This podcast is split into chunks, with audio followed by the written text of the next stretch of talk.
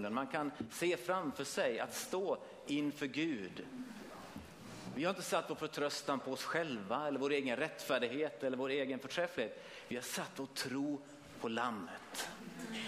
Och jag tror att inför tronen, när vi står där, så kommer det vara alla möjliga människor, alla folkslag, olika status. Men det som är gemensamt, det är att vi har fått våra liv tvagna i Lammets blod. Att vi har fått medborgarskap i himlen. Och det medborgarskapet i himlen, det kan vi bara ta emot. Och det är till för var och en. För det finns ingen åtskillnad. När Jesus hängde där på korset så var det för alla människor. Alla människor, alla folkslag som inkluderas i detta. Tack Jesus. Jag tänkte på det faktiskt när jag skulle förbereda eh, den här predikan för idag då, eh, så tänkte jag på, så tacksam för vår församling. Söndag efter söndag efter söndag, vecka efter vecka efter vecka. Jag tänkte på det igår tror jag det var, i oktober nu. För 25 år sedan så gjorde vi det här, ja just det. Undrar om det var gudstjänst då den söndagen, ja det var det ju. Vi var ju iväg på mötet och så prisade vi Gud och så hörde vi Guds ord. Är du inte tacksam för det? Att få komma till en församling som förkunnar ordet, som prisar Gud. Alltså det, det är ett sånt privilegium, vi glömmer bort det ibland för vi, vi, vi är så hemmablinda liksom. Vi tänker inte på det, för, för vi har liksom levt med det så länge. En del har fötts in i det, en del har inte upplevt något annat. Det finns en del som har upplevt annat också, så är det. Men det finns en tacksamhet till Gud för det i alla fall.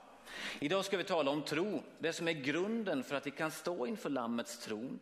Det som är grunden för det eviga livet, det är vår tro. Tro på Herren Jesus, säger Paulus till fångvaktaren, så ska du och hela ditt hus bli frälst. Men vi, vi lever i en tid nu där det är ganska mycket olika röster som hörs. Det är ganska många olika idéer och en ny idé kommer nästan varje dag tycker jag. Inte riktigt kanske, men relativt ofta så kommer det nya idéer, nya tankeströmningar. Och eh, Thomas Di Leva sjöng en sång för många år sedan där han sjöng så här, Vem ska jag tro på här, sjöng han. Och det är ganska förvirrande. Jag vet att för ett tid sedan så bad vi här speciellt emot förvirring, för det är ganska mycket förvirring som finns i vår värld och den kan påverka dig och mig också. Det finns många idéer, många filosofiska idéer att bygga sitt liv på.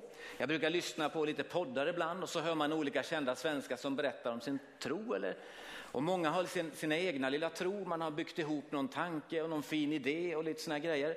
Och, och det är jättebra, det kanske är jättefina filosofier, jättefina saker som kanske kan vara en uppmuntran där och då. Men frågan är om den tron håller när stormen kommer. Om den tron håller ända in i evigheten. För vi tror att det finns egentligen bara en enda väg till Gud. Och det här inre liksom, i människan, den här längtan som varje människa bär på, den kan vi inte ta bort. Vi brukar säga att vi lever i ett av världens mest sekulariserade länder. Men vi kan aldrig ta bort en människas andliga längtan, för den finns där. Den är så säker, för den tas aldrig bort. Jag hörde till exempel för en tid sedan att bland studenter på våra högskolor så har det blivit väldigt populärt att syssla med astrologi och hålla på med kristaller och spå och grejer. Ta kontakt med den andliga världen. Och då vet vi så att våra liksom, högskolesäten och universitet är ju inte direkt kända för tro på Gud eller tro på andlighet.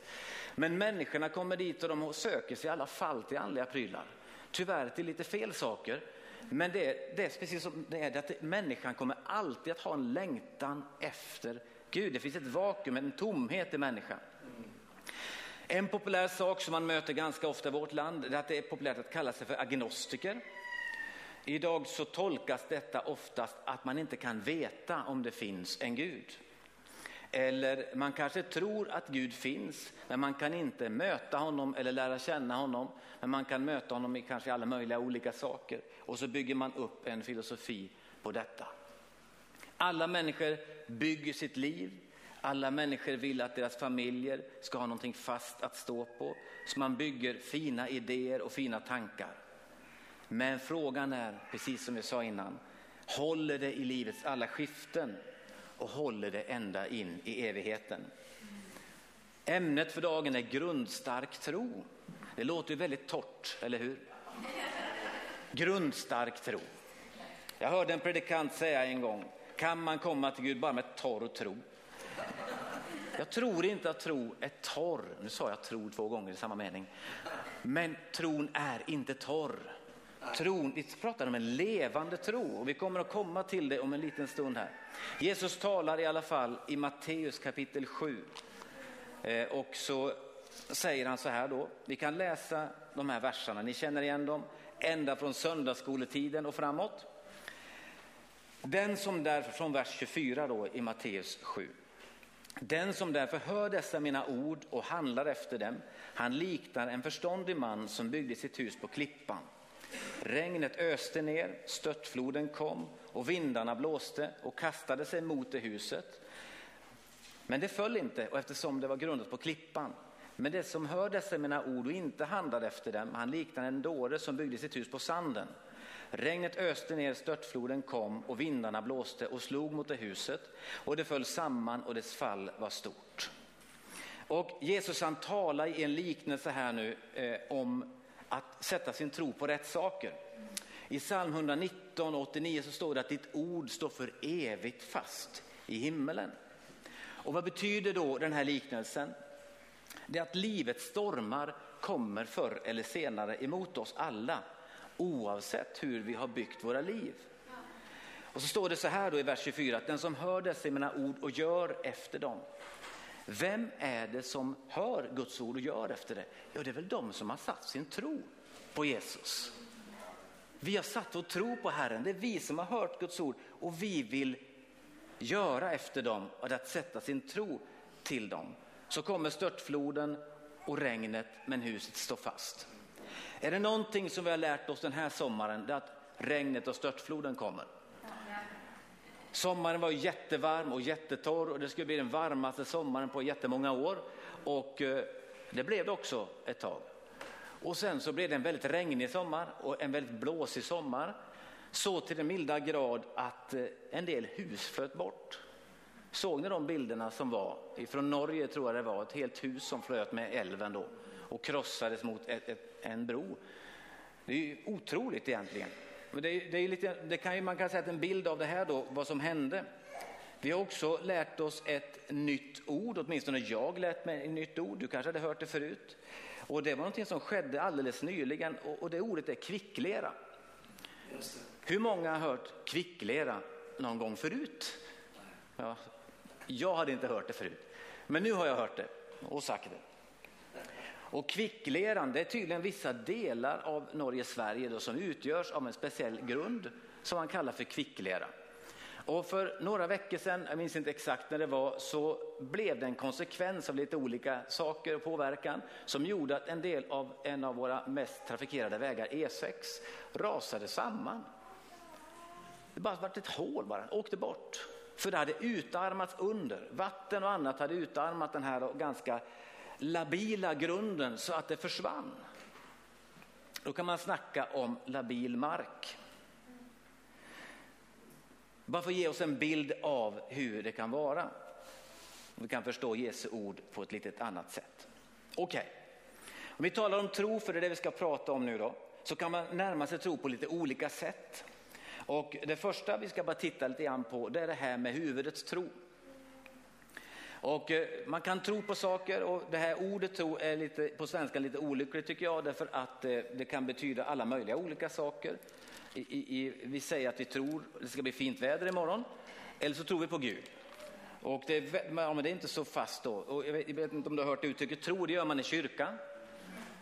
Faktum är att tron behöver man ännu mer utanför kyrkan.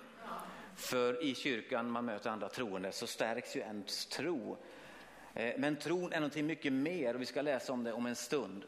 Men i Romarbrevet 1 och 20 så står det så här. Eh, och, och Paulus han pratar om hedningarna här då. Det står i vers 19 så här. Att det man kan veta om Gud är uppenbarat för dem, bland dem. Gud har ju uppenbarat det för dem. Ända från världens skapelse ses och uppfattas hans osynliga egenskaper, hans eviga makt och gudomliga natur genom det verk som han har skapat. Därför är de utan ursäkt. Vi kan se på naturen. naturens mirakler. Vi, vi, vet att idag så pratar man om eh, utvecklingslära, man pratar om makro och mikroutveckling. Och eh, visst, det sker en utveckling, saker och ting förändras. Men att se på naturen och hur avancerat och komplicerat saker och ting hänger ihop så är det väldigt svårt att inte tro att det finns en skapare bakom allting. En människa som ägnar en liten stund att tänka kan faktiskt i den tanken, om man nu inte kan omfatta det med sitt eget huvud, faktiskt förstå att det här komplicerade som vi ser är någonting så pass komplicerat. Kan det verkligen bara bli till av sig själv? Om det får gå tillräckligt många år, riktigt, riktigt lång tid, så blir det någonting som det inte var från början. Men ingen kan säga att det inte finns en mikroutveckling, en evolution. Det finns ju saker förändras, det vet vi. Men om vi tar till exempel en sån sak som en förlossning eller ett barns födelse. Hur många olika saker i det ögonblicket som ska igång för att det här lilla barnet ska fungera. Och alla de här sakerna sker samtidigt. Och så tänker man, ja men man vill helst inte utföra sån här äh, kejsarsnitt då, därför att då går inte alla de här adrenalinkickarna, de här grejerna går inte igång då i födseln riktigt. Så barnet får inte den här riktigt bra starten, för det är många saker som sker då i lilla barnets hjärna och kropp. Och så fungerar allting. Men hur kunde det bli till där på insidan, alla grejer som bara finns där? Har ni tänkt på hur mycket saker som finns? Har ni tänkt på hur lätt det är att sabba en grej som finns i kroppen? Man hör ju om det, hemska nyheter idag, någonting som vi ber för. Det är människor som blir attackerade på olika sätt. De blir skottskadade, de blir knivskurna. En del överlever, en del överlever inte. Varför överlever de inte? Det är för det är någonting på insidan som går sönder och slutar fungera. Och läkarkonsten, vi kan hjälpa, vi kan bota och vi kan lindra väldigt mycket. En del saker är svårare att fixa. Men de här sakerna de har ju funkat från början.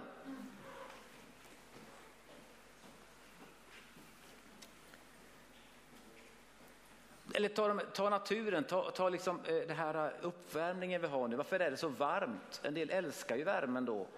Och det är supervarmt långt in i september och sådär. Och medeltemperaturen är högre än någonsin. Ja, vi har nog släppt ut lite gaser och grejer i naturen som på ett annat sätt än vad det egentligen var från början, så det skapat lite obalans. Ja, man kan resonera om det, men det är faktiskt så att det finns något som kallas för ekolog, ekologisk balans. Om den slås sönder så blir det en förändring. Naturen är väldigt komplext jord. Är det bara så att det har kommit till av sig själv? Eller är det så att det finns en skapare? Med huvudets tro så kan man ju komma fram till den slutsatsen, eller hur? Men vad är då tro? Och precis som vi sa innan så är tro någonting mer än bara ett församtalande. Mer, mer än bara att kunna luska ut någonting genom att titta på omgivningarna, även om de sakerna vittnar om Guds existens. Men själva grunden för tron sitter djupare än så. Om vi läser Hebreerbrevet kapitel 11 så är det en välkända versa. Det beskrivs vad tro, vad det är för någonting. Tron är en övertygelse om det man hoppas, en visshet om det man inte ser. En fast övertygelse. Stod det i den gamla översättningen tror jag. Det är en fast övertygelse om det som man hoppas. Man kan ju hoppas på ganska mycket. Tron, så som Bibeln beskriver tron, det är någonting mer än bara ett löst hopp. Den är mycket, mycket fastare. Om vi minns vad Jesus talade om, den här klippan, att bygga sitt liv på klippan. Det är det som är skillnaden. Det är det som är den bergfasta grunden för ditt och mitt liv tillsammans med Gud. Och så här står det i kärnbibeln i den här versen. Men tron är en övertygelse, en fast och verklig grund, en garanti och försäkran om sådant man hoppas en visshet om, förvissning om, ett bevis för, på ting man inte ser. Eller som inte kan uppfattas eller förnimmas med fysiska ögon. Så tron är någonting mycket mer än bara ditt och mitt förstånd, ett försanthållande. Tron sitter mycket, mycket djupare. Det är en bergfast grund. Det är någonting att sätta sina fötter på när det stormar. Det är någonting att hålla fast vid i alla livets skiften. I vers 6, så när vi ändå är här i Hebreerbrevet, så kan vi läsa det så står det så här. Att utan tro är det omöjligt att behaga Gud. Till den som kommer till Gud måste tro att han är till och belöna dem som söker honom. Om du vet att jag bor på en viss adress och du knackar på dörren, visst tror du att jag är där då? Skulle du åkt dit annars? Ja, jag kan ju vara bortrest i och för sig, men, men det, det huset, där bor han. På samma sätt är det när vi kommer till Gud, vi tror ju att han är till och att han lönar oss. Vi kommer och knackar på dörren hos honom. Det är vår förväntan. I kärnbibeln så står det så här då. Kärnbibeln är alltså en liten förstärkt översättning som man kan då få fram lite djupare mening av, av en vers. Utan tro är det omöjligt att behaga honom, för den som närmar sig Gud måste eller behöver tro att han existerar, är och finns och att han belönar, ordagrant blir en belönare åt dem som hängivet söker, uthålligt och innerligt frågar efter honom. Det finns en liten pursue i det här då, en liten, liten förväntan, en liten att man sträcker sig efter Gud. Men det finns ett löfte att han lönar den som söker honom. Hur kan vi då ha denna tro? Vi är på väg in i någonting nu där vi lämnar bara huvudets tro eller sinnets tro och börjar prata om hjärtats tro. Hjärtats tro är någonting helt annat. Man har ett samtal, jag hade ett samtal med en människa för ett tag sedan och i det samtalet så nämnde han en massa saker som var jättebra men sa också, men, men jag kan inte tro på Gud. Och så tänkte jag och så sa jag till honom, så, ja, men, så som du resonerar så tror ju du i ditt hjärta egentligen. Han bara tittar på mig så här, vad då tro i sitt hjärta? Men det finns någonting som går utanför vad vi kan omfatta och vad vi kan förstå. För vår vetenskap och vår förmåga är begränsad. Vi människor vi kan omfatta och förstå vissa saker. Men den strömning som har liksom kommit över världen och som påverkar oss jättemycket har ställt människan i centrum för allting.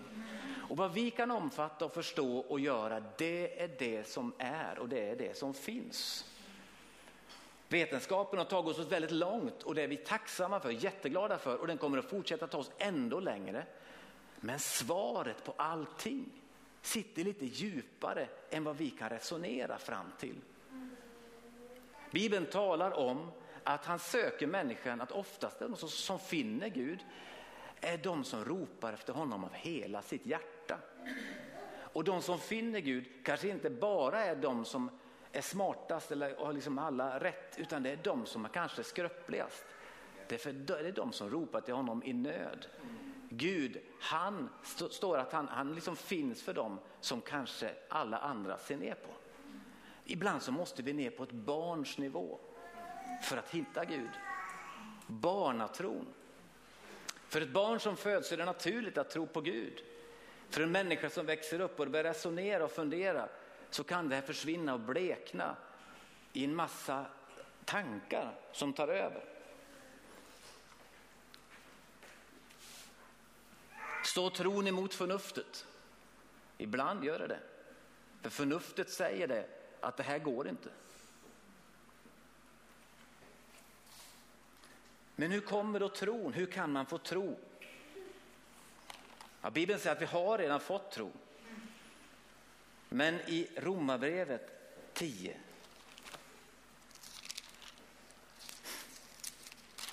så finns det några viktiga grundverser för vår tro. Romarbrevet 10, 9 och 10 så står det att om du med din mun bekänner att Jesus är Herren och i ditt hjärta tror att Gud har uppväckt honom från de döda, då blir du frälst. Ty med hjärtat tror man och blir rättfärdig och med munnen bekänner man och blir frälst. Hjärtats tro, det är att få syn på någonting. Man ser någonting som är större än det jag kan omfatta enbart med mitt egna förstånd. Jag surrender, vad heter det på svenska? Ger upp, ja. Jag böjer mig för något som är större än mig själv. I andra Korinthierbrevet kapitel 3 och 14 så står det att det finns ett täckelse över människan. Och att det är först i Kristus som det försvinner. När jag blev frälst och tog emot Jesus i mitt hjärta så hade jag en försanthållande tro innan det. Jag trodde på Gud, jag kunde gå i kyrkan, jag kunde göra alla möjliga saker. Men Gud visade sig för mig. Jag såg honom inte fysiskt, jag hörde honom inte heller fysiskt. Men i mitt hjärta, i mitt innersta så bara visste jag, nu är Gud här och han utmanar mig. Han säger till mig, följ mig. Följ mig, lämna dina nät och följ mig, säger han. Lägg ner dina egna saker och följ mig. Någonting väcktes inom mig och det är precis det som är hjärtats tro. Jag fick ett, det var någonting som visade sig för mig. Guds ord kom nära mig, förbi min själ, förbi mina försanthållande tankar, till mitt hjärta och väckte någonting i mig. Och Det är det som är hjärtats tro. Ordspråksboken kapitel 3 och vers 5 så står det att förtrösta på Herren av hela ditt hjärta och förlita dig inte på ditt förstånd. Det betyder inte att vi inte ska ha vårt förstånd eller att vi inte ska utveckla vårt förstånd. Men ibland kan förståndet spela oss ett spratt och ställa oss i vägen för Guds väg. Människan tänker ut en väg står det, men Herren är den som styr hennes steg. Jag läste här i, vers, i veckan här en, en väldigt intressant berättelse. Ni känner till Paulus när han var i, i eh, Asien och så skulle de åka någonstans, jag minns inte vad det var, i apostlärningarna det här. Och så drömmer han på natten om den makedoniske mannen. Kom över hit och hjälp oss. Har ni hört den berättelsen någon gång? Kom över hit och hjälp oss.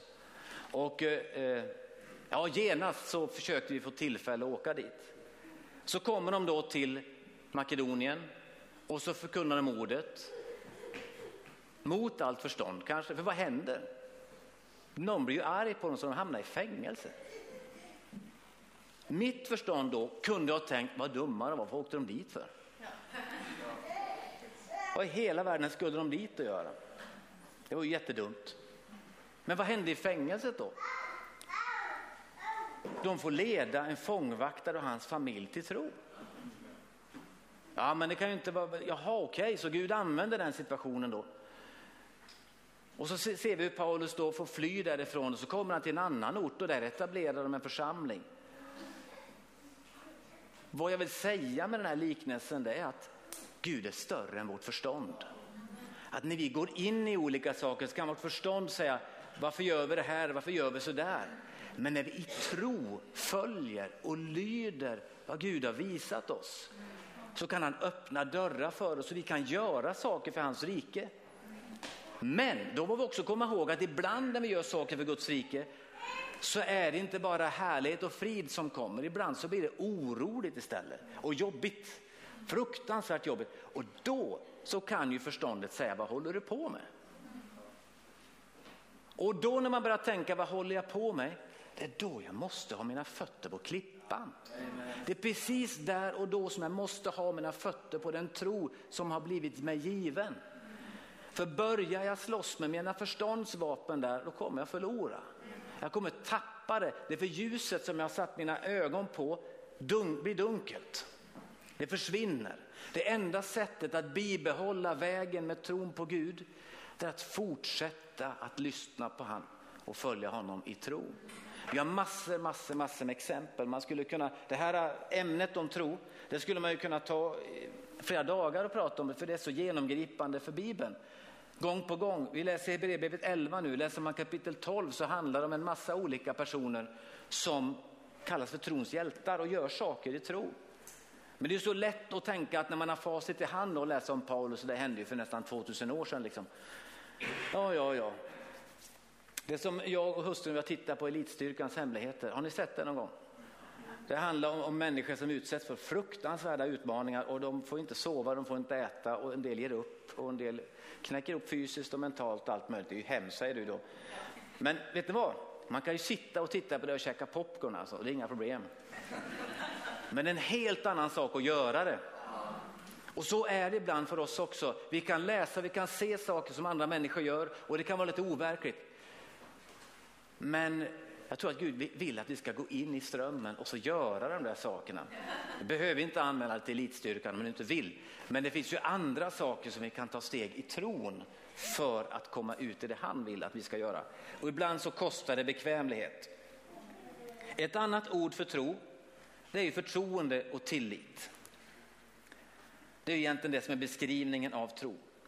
Känner du någon som du tycker är tillförlitlig, som du tror på? Någon som du kan lita på? Eller en person som du vet att den här människan kan jag vända mig till om det händer någonting.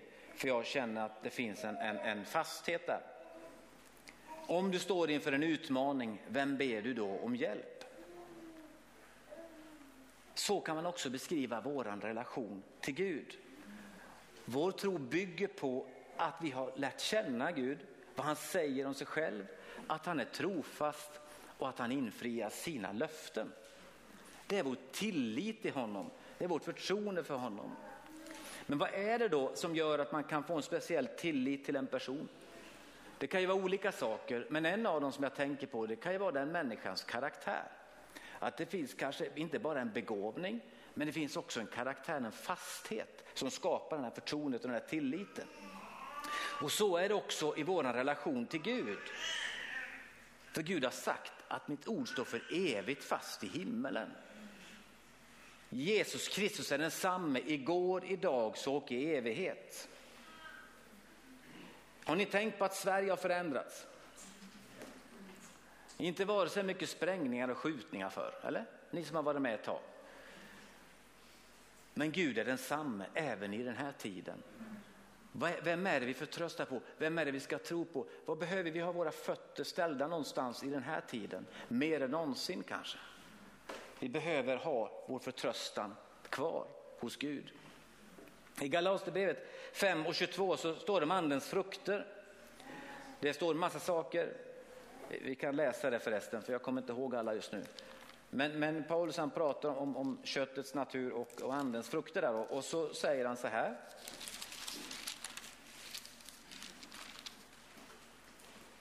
Andens frukt däremot är kärlek, glädje, frid, tålamod, vänlighet, godhet, trohet, mildhet och självbehärskning. Det står om trohet bland andens frukter. Trohet är en synonym, synonym till tro. Och trohet det är motsatsen till trolöshet. Bibeln säger ju det att vi kan vara trolösa, vi kan tappa tron, för det gör vi ibland. Men Gud står för alltid fast vid sina löften. Och det är det som är Guds nåd. Tro är inte en metod. Tro är inte en punkt på, eller fyra punkter. Ett, två, tre, fyra så tror jag. Alla byxor där och dyra. Nej, tron är någonting mycket, mycket mer. Tron är en relation, en förtröstan, en tillit. Vem kommer jag till när det stormar? Vem går jag till när det, när det skakar? Och pa, Paulus, jag säga, David, du fick ett fint epitet här. David menar jag. Läs ett jättebra bibelord här nu i inledningen. Första Korinthierbrevet 13. Tro är inte en metod, det är en relation. Det står i vers 13 där då. Nu består tron, hoppet och kärleken, dessa tre, men störst av dem är kärleken. Att lära känna Gud och lära känna Gud. Man kan inte skilja på de här tre sakerna för de hör ihop. Tron, hoppet och kärleken. Det är inte tro en grej, kärlek är en, han är så kärleksfull, han har så mycket tro. Nej, vi behöver alltihop för det hör ihop, det går inte att sära på. Precis som Fadern, Sonen och den helige Ande så är tron, hoppet och kärleken liksom ett. Vi har inte en relation till Gud, han blir vår springpojk, utan vi pratar med Gud och han pratar med oss. Och läser vi, backar vi tillbaks lite i de här verserna då, så står det i vers 2 så här. Om jag ägde profetisk gåva och kände alla hemligheter och hade all kunskap, om jag hade all tro så att jag kunde flytta på berg men inte hade kärlek, så vore jag ingenting. Vi kan ha tro, säger vi. Och, och Vi behöver praktisera vår tro med kärlek. De samverkar. Det är precis som mitt äktenskap. Grunden för min kärlek till min hustru är lärt känna henne och tilltro till henne. Precis på samma sätt så är det min relation till Gud. Min, min, jag förlitar mig på honom. Och kärleken till Gud och tron på honom hör alltså ihop. Okej, okay, vi ska bara ta några saker här nu som är lite grejer som kan komma längs vägen när vi vandrar i tro, i hjärtats tro. Då. En av de sakerna som dyker upp från gång till annan, det är tvivel. Eh, och tvivel, det är normalt. Därför att vi har olika omständigheter och saker som gör att vi tvivlar ibland. Eh, och jag tänkte på ett exempel då när vi pratar om tvivel. Vi behöver inte gå dit för du har hört det så många gånger. Men vi känner väl till det tillfället när lärjungarna ska fara över med båten till andra sidan. Jesus stannar kvar för att be och sen kommer han gåendes över sjön. Och det stormar och det blåser. Och lärjungarna sitter där i båten och är jätterädda så tror de att det kommer ett spöke. Och så säger, säger de att det är Jesus och Petrus vill gå ut på vattnet. Ni vet. Så kliver han ur båten på, på Guds befallning och så blir han rädd för han ser vågorna och så sjunker han. Och så kommer Jesus och räddar honom då. Det är det som är tvivlet. Först så kom då tron i den här äh, impulsive Petrus tanke. Jag måste gå ut till Jesus. Hur många fler hade kommit på den idén för det första? Inte jag. Säkert någon mer kanske än Petrus, men de flesta av oss hade ju inte kommit, han kom på den idén han bara klev ur. I alla fall då, så, så, är det då att tvivlet kommer till oss allihop. Tvivel är egentligen när det stormar och man börjar se på fel saker. Så börjar man tvivla, börjar misströsta, börjar tappa modet. Och vad var det som var liksom botemedlet då för Petrus? Jo, det var att han började se på Jesus igen. Det är ju så klassiskt, det är så enkelt budskap i det. Ja, men börja se på Jesus, igen, börja påminna mig om vem han är. Och vad händer då? Petrus upprättas ju. Jesus tar tag i Petrus hand och upprättar honom och det vill Gud göra med dig och mig med när vi tvivlar. Jag säger inte om vi tvivlar, jag säger när vi tvivlar. Så finns Jesus där för att dra oss i handen. För tron är inte en gärningslära. Igen, det är inte gärning. Det är tro på honom som gör. En annan sak som också är ganska typisk för vår tid och för människan generellt sett, det är otro. Jag har skilt på tvivel och otro, för att de kan vara på lite olika sätt nämligen. Eh, och då vill jag bara liksom hänvisa till en berättelse i Markus kapitel 9. Så talas det om Jesus och Johannes och Petrus här, va? som går upp i härlighetens berg där. Och så är de där uppe i Guds närvaro och så är det jättehärligt, fint och så kommer de ner till verkligheten igen och där är det en man som har med sig sin son som är månadsrasande och, och så de andra lärjungarna försökte att kasta ut det här då ur pojken och det har inte gått och Jesus han börjar prata med dem och så efter en stund så säger han så här, vad lite tro ni har, säger han. Och mannen reagerar direkt och säger han, jag tror, hjälp min otro, säger han. Och jag tänker att det här otro är lite annorlunda än tvivel. Det här var en sinnesstämning han hade. Han kanske var lite skeptisk. Han kanske hade provat jättemånga sätt för att få sin son hjälpt och inte lyckats. Och det hade liksom kommit in en skepticism hos honom, en liten otro, en liten, aha, ska vi se om det blir något med det här nu då. När Petrus sjönk så hade han liksom inte armarna i kors för att se om det blir något med det här nu. Han bara liksom insåg att det här går åt skogen, så ropade han till Gud. Det är tvivel. Otro är mer av att ja, men jag är lite skeptisk. I Sverige idag så är det väldigt mycket skepticism. Det finns väldigt mycket att ifrågasätta saker och ting. Och på till viss del får vi ju lära oss också att vara, vi ska ju vara källkritiska, klart vi ska. Men, men den källkritiska kan gå så långt så vi kastar ut barnet med badvattnet. Vi slänger ut själva innehållet därför att vi ser avarter och saker som inte riktigt är okej. Okay. Och det får vi akta oss för att göra. Ni vet att Jesus kom till Nasaret till sin födelsestad och så skulle han göra, be för folk där och så blev ingen helad och så förundrar han sig över deras otro. Varför gjorde han det? Varför står det den versen mitt i alltihop? Ja, jag tror att det var som en atmosfär av brist på förväntan och otro. Och så, då tänker jag lite grann på den tidsålder som vi är i nu då. Och bara gått jätte, jättekort sidospår på det. Och det är så att eh, det har varit en del skriverier nu. Det är ganska vanligt i våra sammanhang att människor lämnar församlingen. Och ofta så gör man det när man är lite yngre, för man börjar kanske ifrågasätta det man var med om i sin uppväxt. Och man börjar, börjar liksom att kan man säga, problematisera de här grejerna.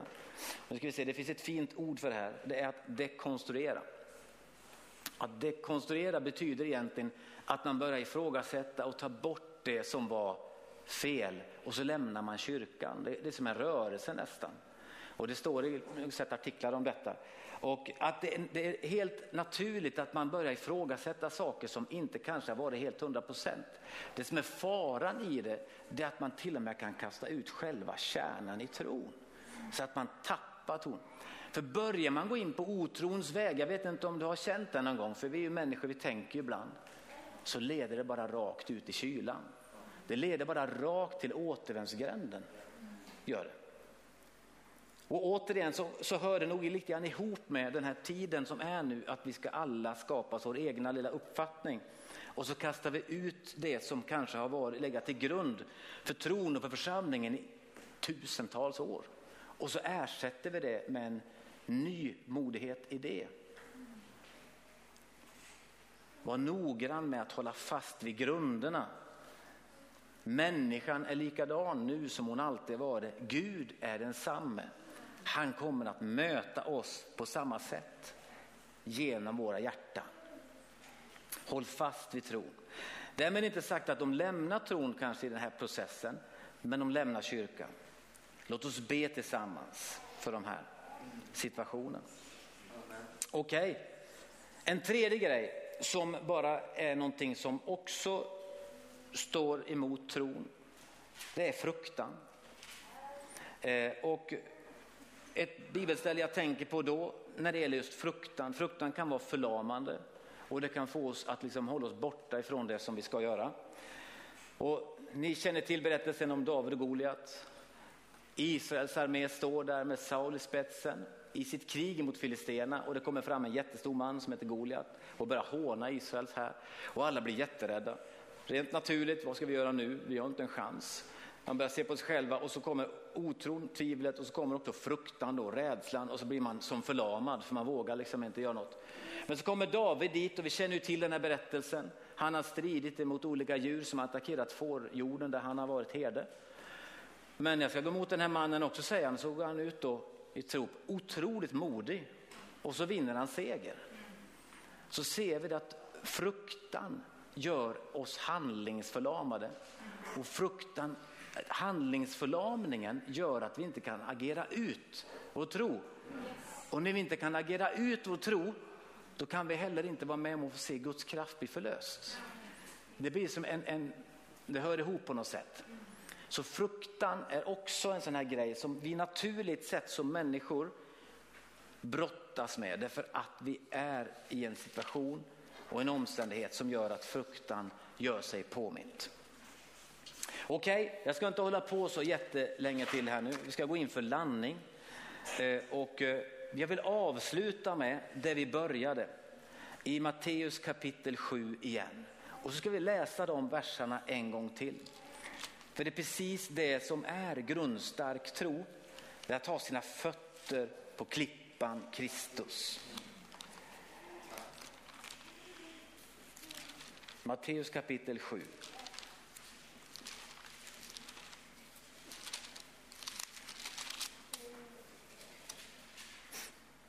Den som därför hör dessa mina ord och handlar efter dem, han liknar en förståndig man som byggde sitt hus på klippan.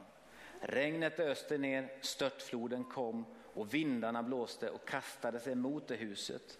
Men det föll inte eftersom det var grundat på klippan. Låt oss ha våra fötter på klippan, den fasta grunden. Kristus Jesus. Låt oss inte kasta ut den tron som vi en gång har fått till oss.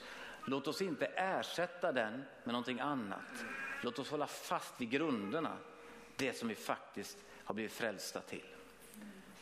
Amen. Låt oss stå upp tillsammans, så ska vi be också. Tack Jesus. Halleluja Jesus. Herre, vi bara tackar dig för frälsningen. Precis som vi gjorde här i, i lovsången så bara tackar vi dig för frälsningen. Vi tackar dig för Jesu blod som har renat oss. Och Herre, vi vill bara komma den här stunden till dig. Vi kommer till dig så som vi är, Herre. Och du känner oss allihopa. Vi behöver inte spela ett spel. Vi behöver inte hålla fram något eller visa upp någonting. Utan vi kommer precis som vi är inför dig, Gud. Och vi ber dig, Herre, att du ransakar våra hjärtan. Och vi vill vända oss till dig, Gud. Vi vill vända våra hjärtan till dig, Herre. Och vi vill säga till dig, förlåt oss Gud att vi så ofta har tvivlat på dina löften. Att vi så ofta har hittat våra egna vägar och lösningar när du har bett oss göra saker.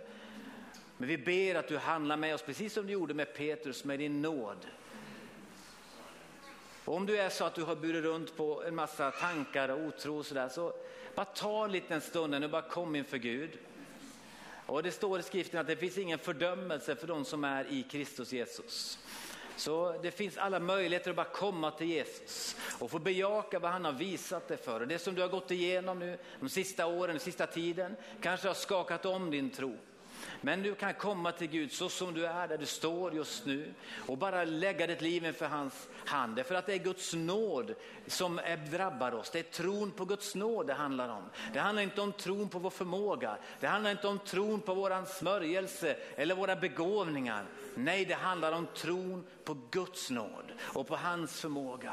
Så vi ber dig Herre i den här stunden i Jesu namn att du ska förnya dina löften inom oss Herre. Att du ska borsta av och damma av gamla tilltal, gamla saker som du har visat oss förut. Att de får komma upp igen i våra liv Jesus. Att du får påminna oss om de, de gärningar vi gjorde en gång. Att vi kan göra dem igen Herre, på ett nytt sätt i den här tiden Jesus. Och om det är någon här inne som har lidit skeppsbrott i tron så ber vi dig i Jesu namn just nu att du bara förbarmar dig Gud över dem just nu. Och du kommer till dem just nu med din nåd och med ditt förbarmande Herre. I Jesu Kristi namn. Kom Herre i Jesu Kristi namn. Kom Herre i Jesu namn med din nåd och med ditt förbarmande Herre. Tack att du inte kastar ut någon och du fördömer inte någon utan du står där med öppna armar och tar emot oss Herre när vi kommer till dig Jesus. Åh Jesu Kristi namn. Åh Jesu Kristi namn. Halleluja Herre.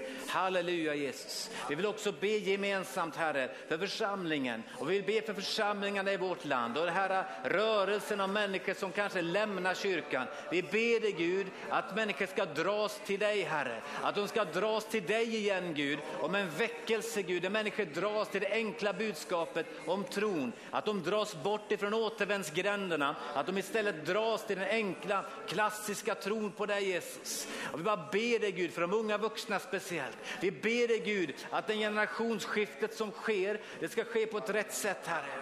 Att tron ska väckas, att tron ska väckas i många människor, i de unga Gud.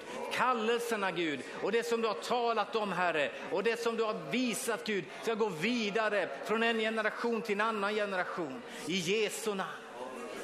I Jesu Kristi namn. I Jesu Kristi namn. Och vi bara tackar dig Gud och vi prisar dig Herre. I Jesu Kristi namn. Och där vi står just nu och du kanske står inför Gud så bara ställ dig inför honom en liten stund och kanske är det möjlighet för dig och för mig att få förnya våra löften till Gud. Att det som vi tänkte, det som vi drömde om och det vi satte vår tro till, att du bara vill förnya det i våra hjärtan. Jesus, bara ställ dig inför Gud och bara var inför honom och låt honom bara påminna dig om vad han har sagt. Låta honom bara uppliva de orden som du har fått en gång och låt dem väckas till liv igen i Jesu namn. I Jesu Kristi namn. Och det kanske finns människor här inne, Gud har kanske sagt till dig att du ska göra någonting specifikt för honom och du har tvekat. Men Gud bara kommer med mod till dig just nu. Med mod till dig just nu att ta det här steget i tro. Ta det här steget i tro, våga ta det här steget i tro, bryta dödläget och göra det där som känns så obeskrivligt svårt. I Jesu namn. Tack att du bara kommer just nu med din nåd och med ditt förbarmade Herre. Åh Jesu Kristi namn. Bara låt trons ande uppväckas igen i vår närhet, i vår församling. En tron som intar, en tro som vågar, en tron som går framåt. I Jesu Kristi namn. Och bara låt det väckas till liv igen, mitt ibland oss Herre. En tro på dig Gud, en tro på dig Jesus. I Jesu Kristi namn. Åh, Jesu Kristi namn. Ni hörde jag sa i, lite mitt i alltihopa så att ja, men det är bara torr tro kanske någon säger. Men väldigt, väldigt ofta så är det så här att vi möter Jesus och sen så känner vi ingenting på jättelänge. Och då behöver vi gå på det ordet som han har gett oss. Det är då vi står i tron, det är då som prövningarna kommer. För prövningarna kommer, de kommer till oss var och en. Och då känner vi ingenting. Ni Jobb, han blev ju jätteprövad, han höll på att stryka med karln. Men, men han behöll sin tro på Gud. Och när vi prövas, låt oss göra som Petrus. Låt oss se på Jesus. Låt oss inte ta bort vår blick från honom utan fortsätta se på honom. Ta och lägg handen på din granne just nu och bara välsigna dem lite grann. I Jesu Kristi namn. Herre, bara tacka dig för din välsignelse, för din styrka. I Jesu namn. Halleluja, att du bara upplivar, du upplivar, du upplivar, du uppväcker i Jesu namn. Åh, du bara upplivar det som har dött. Du talar till de döda benen, Herre. Du talar till de döda benen och de uppväcks igen, Gud. De väcks till liv en gång till, Jesus. Och du kommer med liv från himlen, Gud. Gamla ord som är uttalade. Gud, jag bara tackar dig, bara prisa dig för att du bara vill väcka dem till liv i Jesu namn. I Jesu Kristi namn. Åh, Jesu namn. Åh, bara ber dig att du blåser liv i de här orden, Herre. I namnet Jesus, i namnet Jesus, i namnet Jesus, i namnet Jesus. Åh, bara tacka dig Gud, bara prisa dig Jesus. Åh, du gör ditt verk Herre, du gör ditt verk Herre. Tack för styrka, tack för läkedom, tack för frihet. Åh Jesu namn, tack för nåd för den här stunden, nåd för den här tiden. I Jesu namn, Vad prisa dig Jesus. Åh, bara tacka dig Gud, Vad prisa dig Jesu namn, prisa dig Jesu namn, prisa dig Jesu namn, prisa dig Jesu namn, prisa dig Jesus, prisa dig Jesus. Prisa dig Jesus, prisa dig Jesus, prisa dig Jesus, prisa dig Herre, prisa dig Herre, prisa dig Jesus, prisa dig Jesus, prisa dig Herre Jesus Kristus, halleluja. Prisa dig Jesus, prisa dig Herre Jesus Kristus, halleluja, halleluja, halleluja, halleluja Jesus. Åh Jesus, Jesus, Jesus, halleluja. Åh, bara tacka dig Herre. Prisa dig för din härlighet, prisa dig för din makt, prisa dig för din förmåga, prisa dig för din styrka Jesus. Halleluja, i Jesu Kristi namn, i Jesu Kristi namn, i Jesu Kristi namn. Halleluja Jesus, halleluja Jesus. Prisat var ditt heliga namn. Prisat var ditt mäktiga namn. Ärat var ditt heliga namn. Tack Jesus, tack Jesus, tack Jesus. Tack Jesus. Halleluja.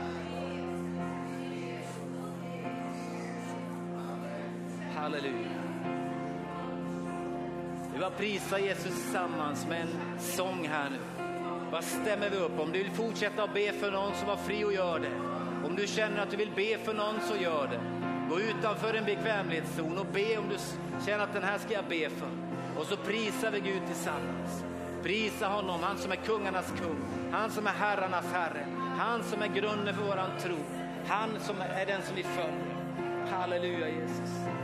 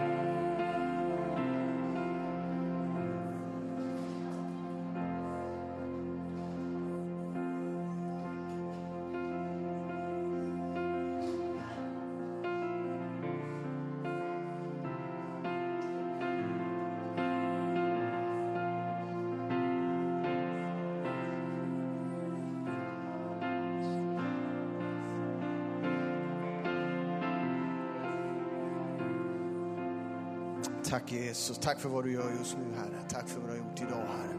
Halleluja, det finns ett flöde här från den helige Ande så du kan, du kan ta emot där du står. Bara, bara lyft dina händer just nu och prisa Jesus.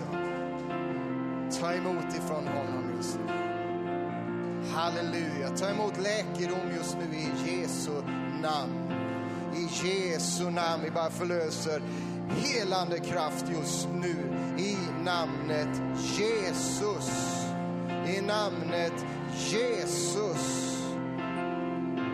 Halleluja. Och de behoven som finns, Jesus.